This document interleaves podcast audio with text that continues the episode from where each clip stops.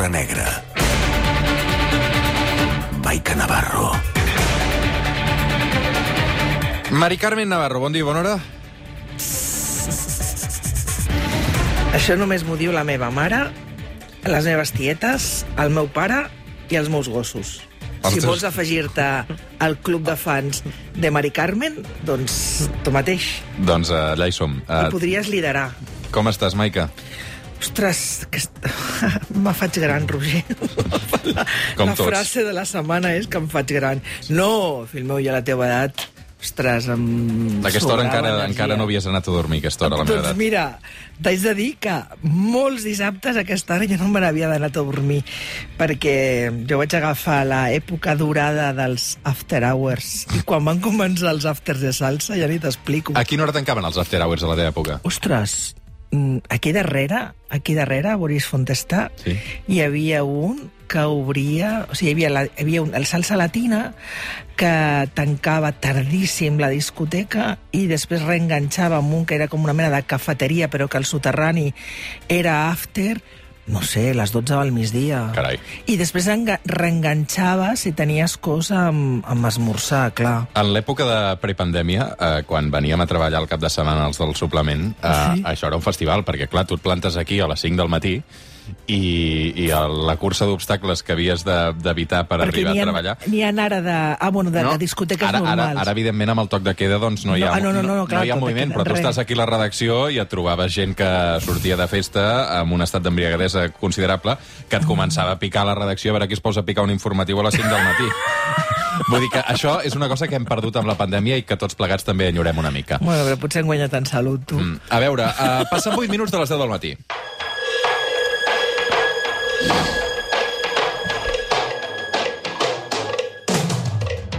Avui amb la Maica Navarro, l'Hora Negra, repassem alguns casos en què la llengua ha estat determinant per identificar criminals.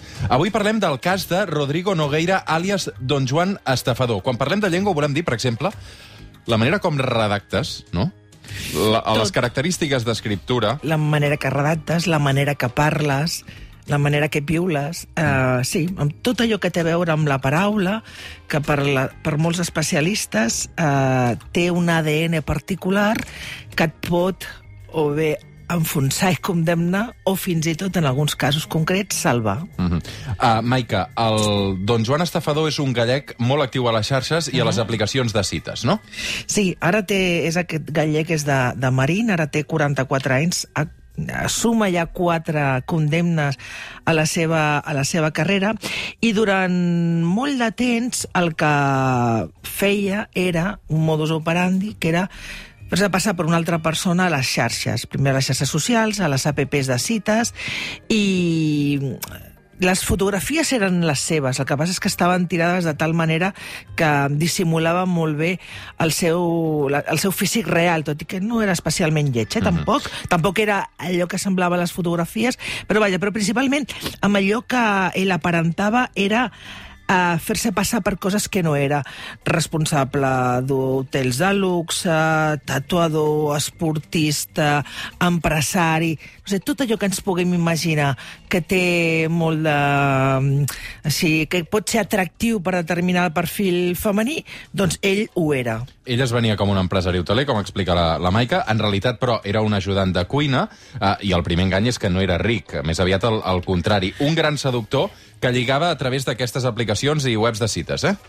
Sí, um, ell feia servir doncs, la seva capacitat de, de, de paraula, sí, que a més a més a més era un embaucador, perquè clar, de les xarxes després passaves al coneixement personal i tot allò que ell havia vengut a, la, a, la, a, a, per, a, a les apps uh, o, o a les xarxes no era tan tan, tan, tan així com quan el veies en persona, tenia una capacitat de seducció i d'embancaució, especialment, em dic, amb la paraula, que les convencia. Aleshores, primer, bueno, començava el seu modus operandi era guanyar la confiança d'aquestes dones, eh, enganxar-les literalment, enamorar-les i començant poc a poc eh, demanar-los diners. Evidentment, relacions sempre que eren coincidents, o sigui, no era estic només amb una dona i aconsegueixo tot el que vull, no, no.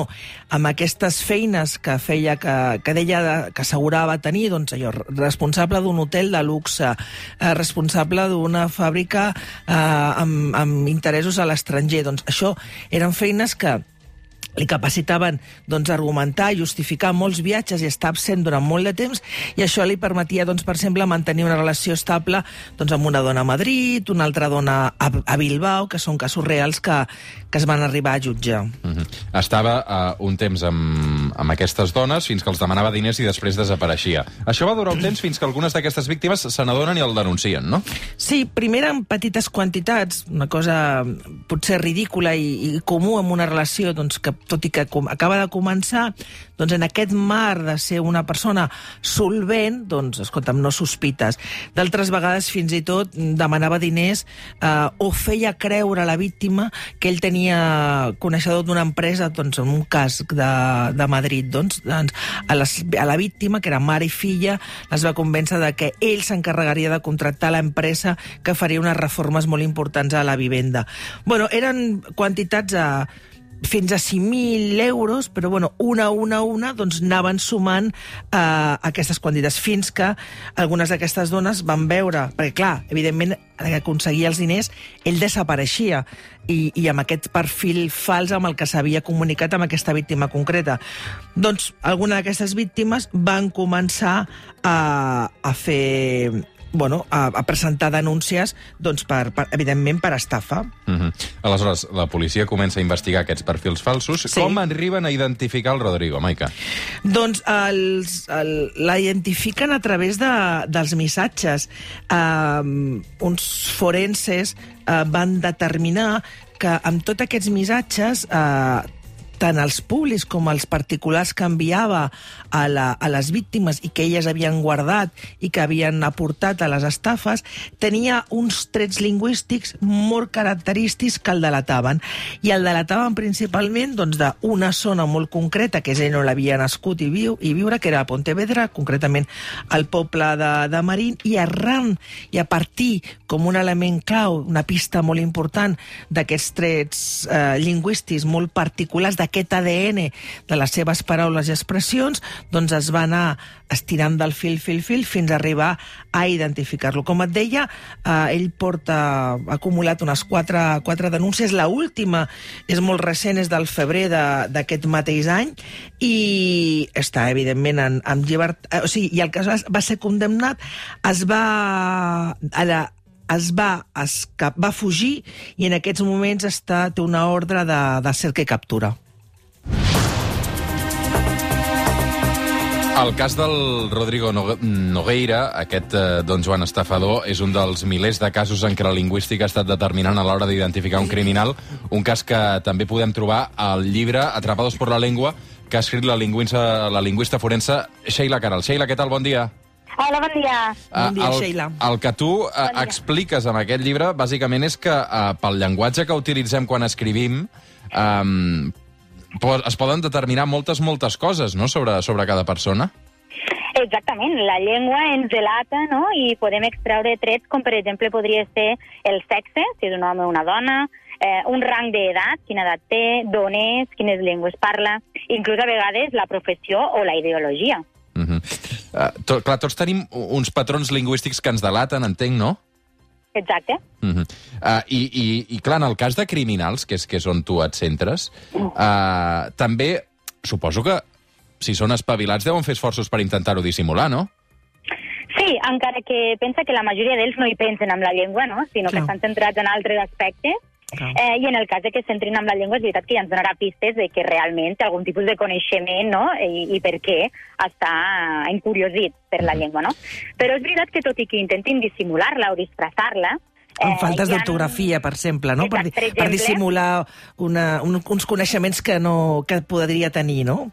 Exactament, això fan molt. Generalment el que es fa és baixar el nivell, no? introduir faltes d'ortografia o paraules d'un altre lloc, si per exemple volem dissimular el nostre origen, però veiem que hi ha una falta de consistència eh, en aquest patró. És a dir, si tu fas moltes faltes d'ortografia, després no em facis una oració relativa molt ben construïda amb una perífrasi fantàstica, no? Uh -huh. I per tant podem veure inconsistències. És a dir, uh, d'alguna manera el que expliques és que la manera com escrivim, com construïm un text, és un reflex de la manera com pensem, també, sí. eh? Exactament, és una manera de la manera en què ens presentem, no?, en certa manera, al món, no? Quan sents parlar una persona, et pots fer una imatge eh, de com és aquesta persona, no? Mira, escolta això, Sheila. The most famous police sketch in history is the Unabomber. Aquest és el tràiler d'una sèrie que podem veure a Netflix que es diu Una Bomber. És el cas d'un home nord-americà que entre finals dels 70 i principis dels 90 eh, va enviar diversos paquets eh, bomba. I va ser un dels casos precisament en què la lingüística forense va permetre atrapar un criminal, no? Mm -hmm. Exactament, aquest va ser un dels primers, primeríssims, i amb un gran impacte, no? Va, va ajudar a tindre la primera ordre de detenció d'un terrorista, en aquest cas. Eh? Com ho van fer? Aquí el que va fer va ser una anàlisi lingüística de les expressions, no? l'expressió va ser clau, en la que veien que la manera en què utilitzava aquesta expressió era no pots tenir el pastís i menjar-te el tot, ell ho feia totalment al revés, no? I per tant va ser una frase decisiva per dir, ui, al tanto, no? I de fet la, una familiar el va reconèixer eh, per aquesta frase i el contingut del manifesto. Clar, perquè en, en aquest cas el, el Ted Kaczynski, eh, que durant s'ha de recordar que durant 18 anys va, va poder eh, burlar eh, i enganyar a l'FBI i en aquest temps doncs, va matar tres persones i va mutilar altres 23. El que va fer va, en un moment de la seva carrera criminal va enviar que es publiqués un manuscrit que tenia més de 35.000 paraules. Era, i això ho va demanar que es publiqués en un diari nacional nord-americà. Clar, amb aquesta quantitat de lletres va permetre als col·legues de la, de la Sheila doncs, determinar unes característiques molt concretes, primer un perfil acadèmic superior, o sigui, uns uh -huh. estudis molt importants, i sobretot una, uns trets característics que, com molt bé deia, recordava la Sheila, doncs va recordar algun dels seus, dels seus familiars. En aquest cas, els, els, aquests companys teus ho van tenir fàcil perquè ens enfrontaven a 35.000 paraules, Exacte, però el més... Regal. Clar, però el més habitual entén que com a forense els casos amb els que t'enfrontes són anònims, per exemple, molt més petits, piolades de Twitter amb aquests caràcters tan delimitats, per tant, no sempre ho teniu tan fàcil. No, la gran majoria de les vegades tenim molt poc text, però sí que és veritat que, per exemple, abans teníem moltes dificultats per trobar material del sospitós, sí. doncs que ara no, no? perquè ara tothom deixem un rastre, podríem dir, a, a les xarxes socials, no? i per tant podem extreure força material obert, no? que tots deixem i del que no som conscients. I que al tanto, qui vagi deixant les coses en obert, no? Mm. -hmm. Clar, uh, és això que explica la Maica una mica, eh? que en el cas d'una bomber, uh, el text que es va analitzar era, era molt llarg i hi havia moltes pistes, però, per exemple, amb un tuit amb 140 caràcters, i ara això ho vull extrapolar, per exemple, a, als comptes falsos, no? els comptes fake de Twitter. Um, es pot identificar qui hi ha al darrere d'un compte fals, per exemple, de, de, de Twitter, per molt que siguin a vegades xarxes anònimes? Um, sempre es pot acabar sabent, es pot acabar descobrint qui hi ha allà al darrere? No sempre, però sí que es pot extreure un perfil, no?, de qui és aquesta, bueno, quins trets d'aquesta persona que hi ha darrere, però també hauríem de veure el tuit, eh? Vull dir, en 140 caràcters depenent de quin tipus de tuit i si realment es poden observar coses, no?, que, que són peculiars d'aquesta persona, no? No, i que segurament eh, deus acabar cometent un error algun dia, no? Sí, això sí. Normalment el, el ser humano, no?, quan cometem errors, i el que podem extreure doncs, són conclusions d'això, el sexe, l'edat, si per exemple et coneix o no et coneix, i això de vegades, moltes vegades la víctima sí que llavors relaciona, no? Li dius, pues mira, és una persona que segurament és de tal lloc, de tal sexe, no? aquest rang d'edat, segurament et coneix o no et coneix. I llavors, per tant, la víctima normalment sol eh, fer un cercle no, de, de sospitosos, amb els quals després comparem. Clar. Hem, hem explicat, amb la, hem repassat amb la Sheila alguns casos d'aquests de, que, que la llengua els ha, amb la llengua s'ha aconseguit atrapar els criminals, però com a bona eh, empremta dactilar de vegades també en salva. Hi ha un cas que aquí a Catalunya vam seguir amb molta atenció, alguns companys especialment, i vull recordar l'Antonio Vaquero del Periódico de Catalunya, que és l'Òscar Sánchez, el rentacotxes de, de Barcelona. Hem de recordar que aquest home va ser detingut i va estar a una presó de Nàpols 626 dies acusats de ser un importantíssim traficant i capo de drogues de la, de la camorra. La prova clau clau per, per condemnar-lo en el seu moment va ser una trucada telefònica que algú havia fet, en els, que algú havia fet des d'un telèfon mòbil que s'havia comprat amb un DNI eh, suplantant l'identitat de l'Oscar Sarget. Això es va saber després. Clar, aquesta trucada, que estava, que estava enregistrada i guardada, eh, un tècnic, en principi, eh, va dir que era un, un, un tècnic, un, un col·lega de la, de la Sheila, però que es va demostrar que en tenia pocs coneixements, va atribuir aquesta veu perfectament a l'Òscar Sánchez. Però si qualsevol que escoltés aquesta, aquesta, aquesta gravació podia comprovar que la gravació, el, el personatge doncs, s'assejava, eh, feia servir paraules com guacho o rebueno, que eren impensables en algú ni a Montgat ni al Premià i segurament ni a la zona, ni tan i escoltant una mica a l'Òscar era impensable. I finalment la família eh, va aconseguir que un lingüístic forense de veritat salvés i després d'uns tràmits burocràtics i la implicació de moltes persones, aquest home se salvés. O sigui que de vegades la llengua també, en el cas de l'Òscar, et salva. Exacte, exacte. En aquest cas va ser un perit ingenier eh, que va trencar totes les normes, diguéssim, que nosaltres tenim com, per exemple, ser expert en la llengua en la que estàs peritant, no? Ell mm. en italià, les mostres estaven en espanyol, i per tant qualsevol persona que hagués escoltat això en un espanyol nadiu t'hagués donat compte de que les varietats en les que es parlaven eren diferents, no? Era un de Barcelona i l'altre uruguayo, per tant Exacte. hi havia moltíssimes característiques diferents, però bueno, va fer falta sis pericials lingüístiques per demostrar la seva innocència, per tant, mm. complicat. Uh, Sheila, clar, és que jo estic pensant uh, una mica més enllà perquè si la vostra feina consisteix precisament a, a analitzar aquesta llengua, ara penso, per exemple, amb els contractes o, o, o documents administratius, que a vegades es fa servir eh, la llengua d'una manera perquè directament no s'entengui. Penso, per exemple, en el llenguatge confús que hi va haver amb les preferents, no? Uh -huh. amb, amb les estafes, eh, que la gent ben bé no sabia què estava signant i quan tu llegies els, els contractes no entenies res, perquè ja ho feien de tal manera amb un llenguatge tan confús i tan complicat, no?, que, que realment tu acabessis signant sense saber exactament què signaves, no? O sigui, això també és una estafa. Exactament, i això de fet és una de les coses que nosaltres analitzem, no? el llenguatge jurídic, judicial, administratiu, per determinar, per exemple, doncs, si són frases confuses que no s'entenen, si són frases ambigües, que hi ha diverses interpretacions possibles, i també doncs, si aquest llenguatge no és l'apropiat no? i no es pot entendre per aquest tipus de, de consumidor. És veritat que cada vegada hi ha més consciència, no? sobretot dels bancs, perquè ja han tingut, diguéssim, molts problemes judicials, no? Però és veritat que, per exemple, alguns organismes de l'administració encara ens en segueixen enviant cartes en les quals no sabem si hem de pagar o hem de cobrar, no?, moltes vegades. El teu primer, cas, el teu primer cas que et va tocar actuar com a, com a, com a forense és a, va ser amb una, petro, una petrolera, no? Uh -huh. I com... Eh... I allò que, que, que va suposar per tu? La veritat és que eh, aquest cas va ser molt complicat, era un cas molt gran, un internacional, i en aquest cas se'ns demanava un encàrrec en el que volien, eh, bueno, d'alguna manera ficar trampes no? i allargar el procediment mitjançant eh, l'ús de la nostra pericial lingüística per determinar que aquelles sentències no eren escrites pel jutge. Ah. És una cosa estranya, però és bastant comú aquest tipus d'encàrrecs, en el que volen demostrar que la persona que està escrivint no és el jutge, que tampoc ho ha de, ho ha de per què ser-ho, uh mhm. -huh. però, bueno, eh, ens demanen això, i en aquest cas eh, va ser un cas en el que vaig aprendre de que realment a vegades no sempre mm, treballes... Jugues al, al, al, a l'equip no? a l'equip que a l'equip dels bons, no?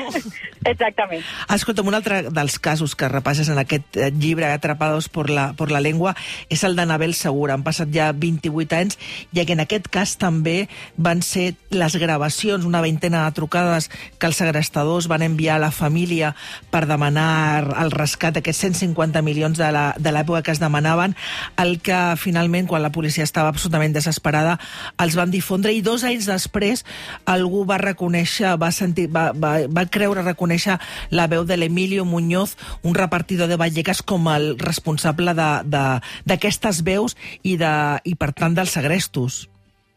Exacte, en aquest cas va ser molt interessant i es van fer diverses proves lingüístiques, no?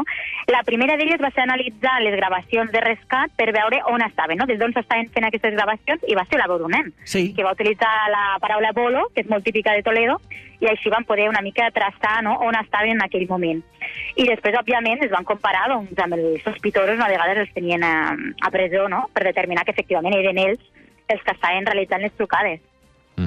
Mm Uh, digue'm, Maica. Sí, mm, hi hi ha un cas, estem parlant de casos molt, molt antics, però hi ha un cas que, que és recent, que ha tornat a ser notícia aquests dies, Helena Jovany, i en el que tu has treballat amb el Benet Salelles, que és l'advocat de la família, i la família que lluita perquè això desesperadament no es quedi en, en l'oblit. Exactament. Bueno, han tingut males notícies, no?, Sí. recentment. Eh, en aquest cas el que es va fer primer va ser determinar la probabilitat de que la principal autora en aquell moment, no?, la Sí. Montserrat Careta, era l'autora dels anònims que havia Sí. rebut l'Helena abans de, de ser assassinada, i vam determinar que hi havia una alta probabilitat de que no fos ella.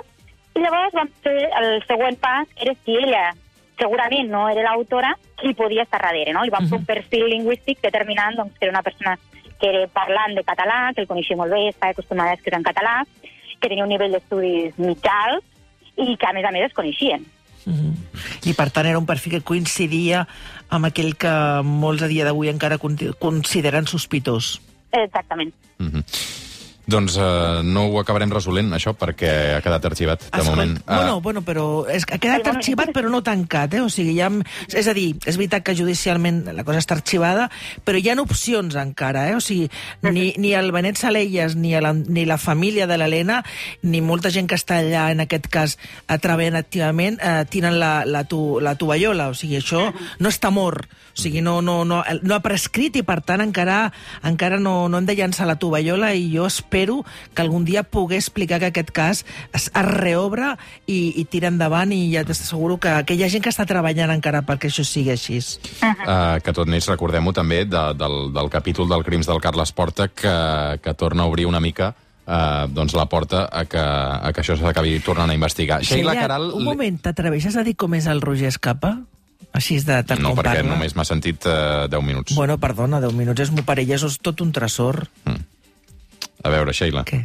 El què, el què? Perdona, perdona. No. Si t'atreveixes amb aquests 10 minuts a fer-me un perfil petitet del Roger Escapa. Més fàcil de la Maica Navarro, que la deus conèixer més. Eh? No, no, no. Eh, no, i de fet nosaltres és que no fem aquest tipus de... Vull dir, nosaltres no analitzem la veu una vegada, l'escoltem i fem una anàlisi, sinó que el que necessitem és mesurar-la, passar-la per les nostres Clar. eines... Uf, eh, Són gent seriosa, són gent seriosa, Maica Navarro. Exactament, és, una, és una cosa científica i no és aixequem el dit ai, crec que és d'aquí, no? Clar. No, no, No especulem. Sheila Caral, lingüista no forense, especulem. autora de Atrapados por la lengua. Gràcies també per llibre, eh? acompanyar-nos. Molt interessant. Uh, un minut per arribar a dos quarts d'onze del matí. Gràcies també a la Sheila. Uh, gràcies a la Maica uh, Navarro. Una pregunta, Maica. Tu que ets Què? una persona informada. Ara aquests dies que s'estan negociant coses, qui serà el nou conseller d'Interior o consellera?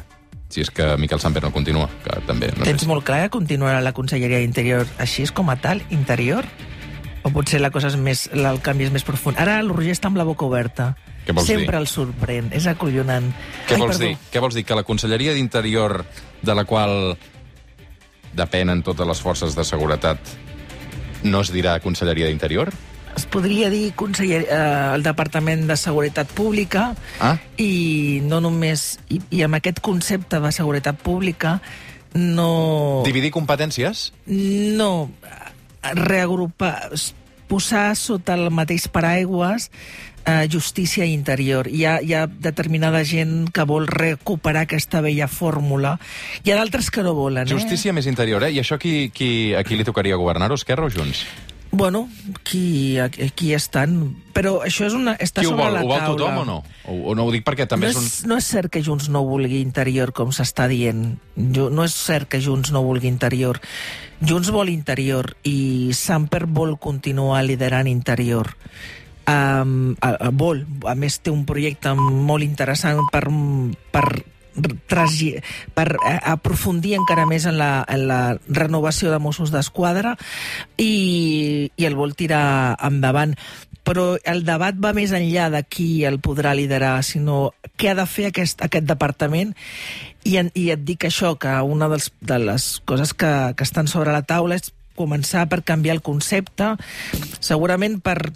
Eh, i Sí, però a vegades canviar el nom, mm. Bueno, no, Departament de Seguretat Pública, Departament de les Seguretats Públiques i encabir eh, justícia, eh, interior. És un model aquest que ja ja va, en el seu dia ja va ser Conselleria de Justícia i Interior, era Departament de Justícia Interior, però aquí seria diferent. Seria el nou Departament de, se- de, de, de, de, de, de Polítiques de Seguretat Pública i també és cert que, bueno, no sé, ja veuríem, jo és, és segurament aquí el, el, el debat per qui s'ho quedaria amb un, amb un departament tan, tan important doncs seríem doncs no, aquí tots ho lluitarien Esquerra té una bona candidata per ser, si es manté la divisió actual, per ser consellera d'Interior, que és Esther Capella, i aquí seria, si Esther Capella saltés a Interior, a Samper podria assumir justícia, de recordar que ell... En el, I que Cuevillas ja no serà perquè està a la mesa del Parlament, que era un altre dels noms que havia sonat per, per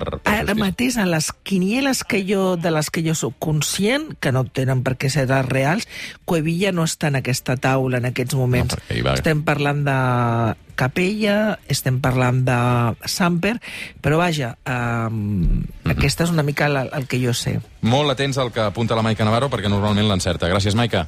Vinga. Fem una pausa i el nou disc de Maria Arnal i Marcel Baixés al suplement. Fins ara. El suplement. Ràdio amb esperit de cap de setmana. Amb Roger Escapa.